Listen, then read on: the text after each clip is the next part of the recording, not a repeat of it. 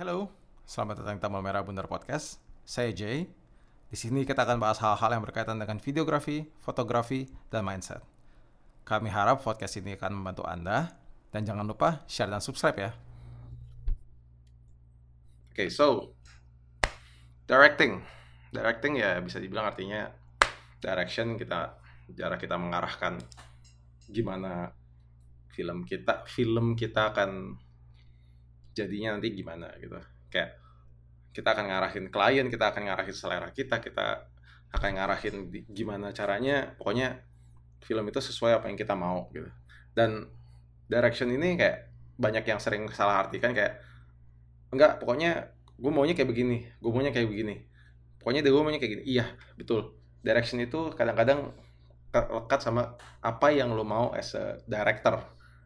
Lo ngedirect gitu. Lo yang mengarahkan tapi kalau setelah gue lihat-lihat directing itu nggak segampang itu nggak segampang kayak lu nyuruh si A begini lu nyuruh si B begini terus jadi. Nggak nggak segampang itu. Untuk directing yang baik yang pertama satu lu masih punya satu namanya vision. Vision itu artinya well di Indonesia kan visi sih. Untuk punya visi yang baik otomatis satu lu masih punya tujuan. Lu maunya film ini film wedding lu ini diapain sih? Arahnya ke mana? Apa look yang mau dapat suasananya moodnya apakah tempatnya apakah ekspresi aktornya apakah pokoknya gimana caranya lu mendirect film ini supaya menjadi film yang lu mau. Ini erat banget sama yang tadi you know, visi gitu loh. Nah, visi ini ada hubungannya berat sama taste gitu. Taste akan berkembang gitu. Lu nggak mungkin jadi director yang sucks gitu. Mungkin mungkin awal-awal lu akan nganggap bahwa eh uh, gue sucks banget ya. Aduh ini kayaknya yang ini lebih bagus. Good. Artinya lu tahu bahwa ada yang lebih bagus. Artinya lu udah tahu apa yang mesti lu kejar, apa yang mesti lu perbaikin di nextnya.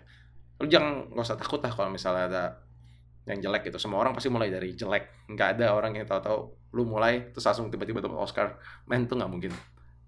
Even lu punya duit pun juga lu nggak mungkin gitu. Jelek ya jelek gitu. Lakuin aja dulu bahwa lu itu jelek dan ada yang lebih bagus. Itu step pertama. Yang kedua, eh sorry, masih lanjut yang tadi. Soal taste tadi. Taste itu lu harus tetap berkembang gitu. Lu mesti kayak sekarang mungkin taste lu masih di level satu ada kan yang dibilang taste lu rendah taste lu tinggi gitu ya memang taste itu relatif cuman taste itu bukan sesuatu yang bisa kita kita nggak apa udah kalau taste lu begini begini begini aja. Enggak taste itu bisa berkembang. Gimana caranya lu ngembangin taste? Ngembangin taste bisa digunakan dengan perbanyak referensi. Namanya lu nonton film otomatis eh, lu bikin film otomatis lu mesti banyak nonton film. Lu nonton film-film apa? Film-film apa yang kira-kira sesuai sama visi lu selama ini gitu? Apakah film-filmnya yang roman picisan lu, lebih suka gitu kan well gua gua gua nggak ngejar sih cuman ada yang suka opera-opera sabun ada yang lebih suka kayak sinetron sinetron Indonesia zaman dulu kalau sinetron Indonesia zaman sekarang hmm, well ya yeah. mungkin sinetron-sinetron zaman dulu yang lebih ada art directionnya mungkin Raya lebih bisa komen nanti kapan kita ngobrol soal Raya soal persinetronan. Tapi ada juga yang kayak lihat film-film romantis. Kalau kita ngomongin wedding, kerat kaitannya sama film-film romantis, film-film romantis yang mungkin ada yang lebih suka film-film modern yang kayak drama-drama chick lit or atau drama-drama yang kayak apa? Gue udah jarang nonton drama sih sebenarnya. Kayak yang terakhir itu apa sih yang kayak Crazy Rich Asian or something.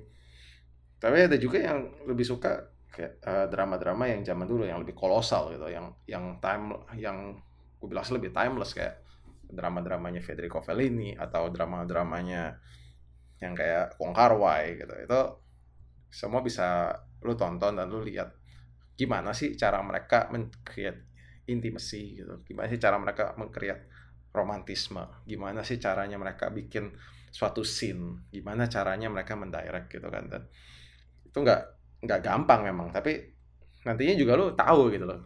Apa sih yang bedain antara director satu sama director lain? Apa sih yang eh gue maunya kayak Wong Kar Wai eh gue maunya kayak Christopher Nolan misalnya. Well, Nolan gue nggak tahu Nolan punya film romantis apa enggak tapi kayaknya nggak punya deh.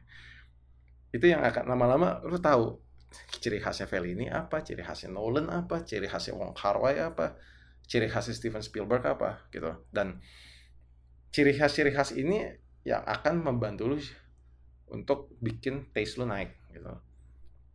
Nantinya lu akan lu akan lihat bahwa directing lu juga akan berkembang gitu. Kayak yang pertama mungkin lu cuma bisa ngedirect posenya begini dan begitu lama-lama kayak eh gue minta tambahin dong kayak gini. Eh gue minta tambahin dong. Eh gue minta begini. Segala macam nah jadi saran gue perbanyak referensi gitu. Nggak nggak harus dari director director director film bioskop kok tapi juga mungkin dari fellow photographer kayak banyak kan sekarang yang bagus-bagus banget. Nah gue juga masih banyak lihat lihat yang lain dan gue banyak ambil referensi kayak oh ternyata yang ini bagus ya kita bisa nggak ya kita aplikasikan ke sini? Oh ternyata yang si ini directionnya oh, ini bagus banget nih kayak gini.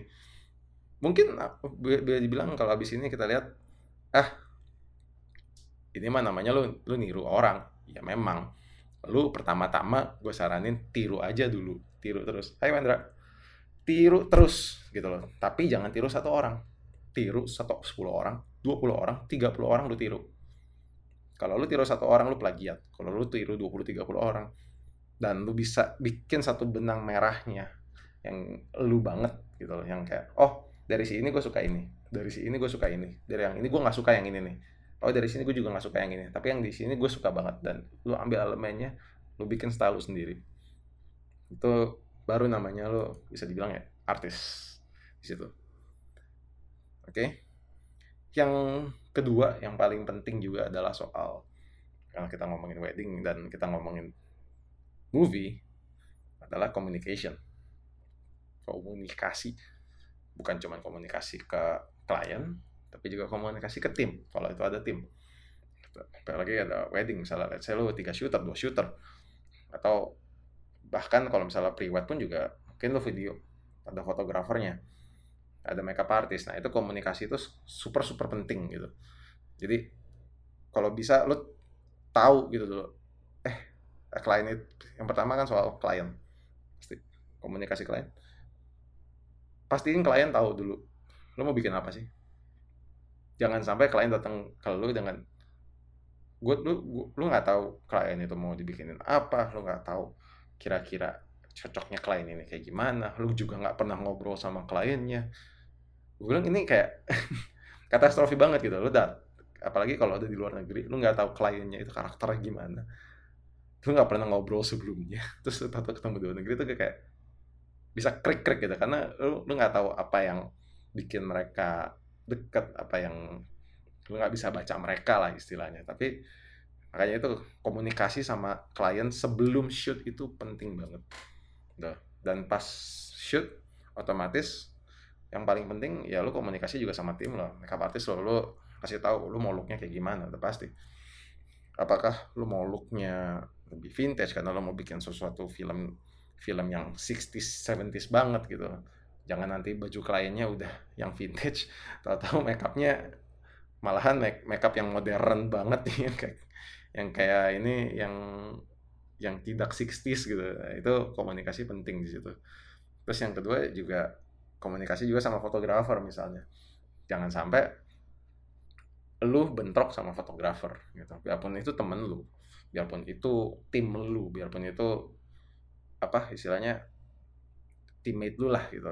Lu di sama fotografer atau misalnya fotografernya itu hirean lu lu juga mesti kasih tahu dia eh gue mau bikin kayak gini kayak gini kayak gini. Pokoknya yang yang pasti semua orang tahu apa yang mau lu bikin lu juga tahu apa yang orang lain mau bikin apa ekspektasi orang. Jadi jangan sampai itu kebentrok gitu. Terus yang ke dari komunikasi sendiri juga mesti kalau gue sih istilahnya concise ya gue nggak tahu concise apa ya istilah bahasa Indonesia nya mungkin kayak tepat kali ya kayak lu jangan bilang bahwa kayak misalnya eh uh, tolong si A uh, pegang tangannya. Tapi pegang tangannya kayak gimana? Pegang pegang tangannya begini apakah pegang tangannya begini atau kayak gimana? Ya lu mesti kasih tahu. Lu kalau gue biasanya uh, kalian biasa pegangan tangan gimana? Gitu kayak gitu. Oke kalau misalnya nggak enak di kamera kalau gue hmm, kayaknya nggak enak di kamera mungkin gue revisi sedikit. Harusnya begini begini begini. Diperagakan gitu. Tapi jangan sampai kayak enggak, enggak, enggak kayak gini aduh tapi lu sendiri tuh lu nggak tahu lu kayak gimana. Itu yang paling parah gitu. Lu nggak tahu apa yang salah tapi lu juga nggak atau lu, lu maksudnya lu tahu ini ada yang salah tapi lu nggak tahu di mana salahnya. Itu yang kayak dan lu nyalahin klien. Itu nanti yang kita akan masuk ke yang terakhir sih. Itu yang mungkin singkat aja. Yang terus juga simple gitu loh lo apa pun mesti simple gitu. Apalagi kita ngomong sama klien yang gak profesional gitu. Mereka bukan profesional actor gitu. Kita nggak bisa bilang eh nanti kak lu jalan ke sini terus pecahin gelasnya. Kan nggak mungkin. Atau kak lu lu jalan ke sini ini nanti lu tatap melotot ya. Si cewek lu ini lu plototin gitu. Lu plototin kayak ini kan nggak mungkin gitu. Karena mereka bukan profesional gitu. Mau mau, mau melotot kayak gimana juga yang ada jadinya lebih kayak komedi nantinya. Dan jadinya malah kayak kaku kaku banget gitu. Makanya kalau misalnya bisa diminimalisirkan yang namanya acting acting yang sangat kompleks gitu loh. Pick something simpler gitu. Apa yang mungkin kayak like merem atau senyum atau apa. Dialog dialog itu bisa mungkin sih diminimalisasi. Sangat diminimalkan. Karena balik lagi mereka bukan profesional gitu loh. Lu jangan suruh mereka acting kecuali lu siap untuk mendirect dia word by word gitu kecuali lu siap direct dia kayak kalimat oh lu bisa baca kalimatnya kayak gini kayak gini kayak gini kadang-kadang memang kita punya privilege waktu untuk mendirect mereka sentence by sentence, word by word per word. Tapi ada kebanyakan adalah lu nggak mungkin deh lu bisa mendirect mereka word by word, sentence by sentence gitu loh. Kecuali memang lu culik satu malamnya kayak kayak tahun lalu kita di Tokyo kita culik groomnya si Adi untuk baca ini sentence by sentence gitu. Dan itu juga lu juga nggak bisa ngarepin itu turns out perfect gitu loh. Well, they're not actors kecuali klien lo aktor ya. Tapi ya itu balik lagi tadi simple simple dan peragakan bila perlu dan ini bab yang paling penting bab yang paling penting ini yang sering orang lupa poin keempat empati empati ke klien itu hal yang paling penting lebih penting daripada visi lu lebih penting dari komunikasi lu. Karena kalau lu nggak punya empati ke klien visi dan komunikasi lu nggak bakal nyampe. Empati mungkin lo tanya empati itu apa sih? Gitu. Empati itu ya kayak lo ngerasain apa yang klien rasain. Lo mesti punya ability itu lo mesti punya kemampuan untuk empati apa yang klien mau lo kira-kira lo mesti bisa, bisa tebak gitu. Apa yang dia demen apa yang dia nggak suka apakah dia lagi nggak nyaman dengan posenya apakah dia nggak nyaman dengan situasinya lo mesti bisa baca. Dan lo nggak boleh paksain gitu. Apakah dia udah capek mukanya apakah dia udah nggak niat apakah dia paling parah sih lapar sih paling kelihatan soalnya. Jangan sampai klien lapar. Gue punya prinsip kalau pre wedding atau wedding jangan sampai klien lapar. Karena begitu klien lapar itu akan bikin yang hal-hal yang tidak diinginkan mendingan klien kenyang daripada klien lapar. Nah itu dia tadi empati itu harus banget lu belajar empati lu belajar cara baca orang lu belajar cara baca belajar cara baca situasi otomatis situasi paling penting gitu. Apakah dia seneng dengan ini kalau dia udah nggak nyaman apa yang harus lo lakukan? Kalau dia udah nggak nyaman dan tapi visi lu belum visi, visi lu nih akhir akhir jadinya cuman cuman jadi yang apa? Cuman yang apa visi visi lu nih nggak nyampe gitu. Ya udah jangan dipaksain dulu. Mungkin kayak memang lu mesti istirahat dulu mungkin memang kayak like, oh ya udah kita ganti. Punya plan B gitu. Kita selalu harus selalu punya plan B. Kalau visi ini kita nggak bisa jalan apa ya nextnya ya? Jadi jangan juga dipaksain jangan sampai kayak lu makan waktu berjam-jam hanya untuk mengeksekusi satu plan yang akhirnya juga akhirnya kliennya bete karena kliennya bete lu juga jadinya malah kayak disemprot. Dan film lu juga nggak jadi gitu. Jadi jangan sampai kayak begitu gitu. Lu harus paling punya empati lah gitu. Dan gue bilang ya empati itu yang paling penting. Hai Lil.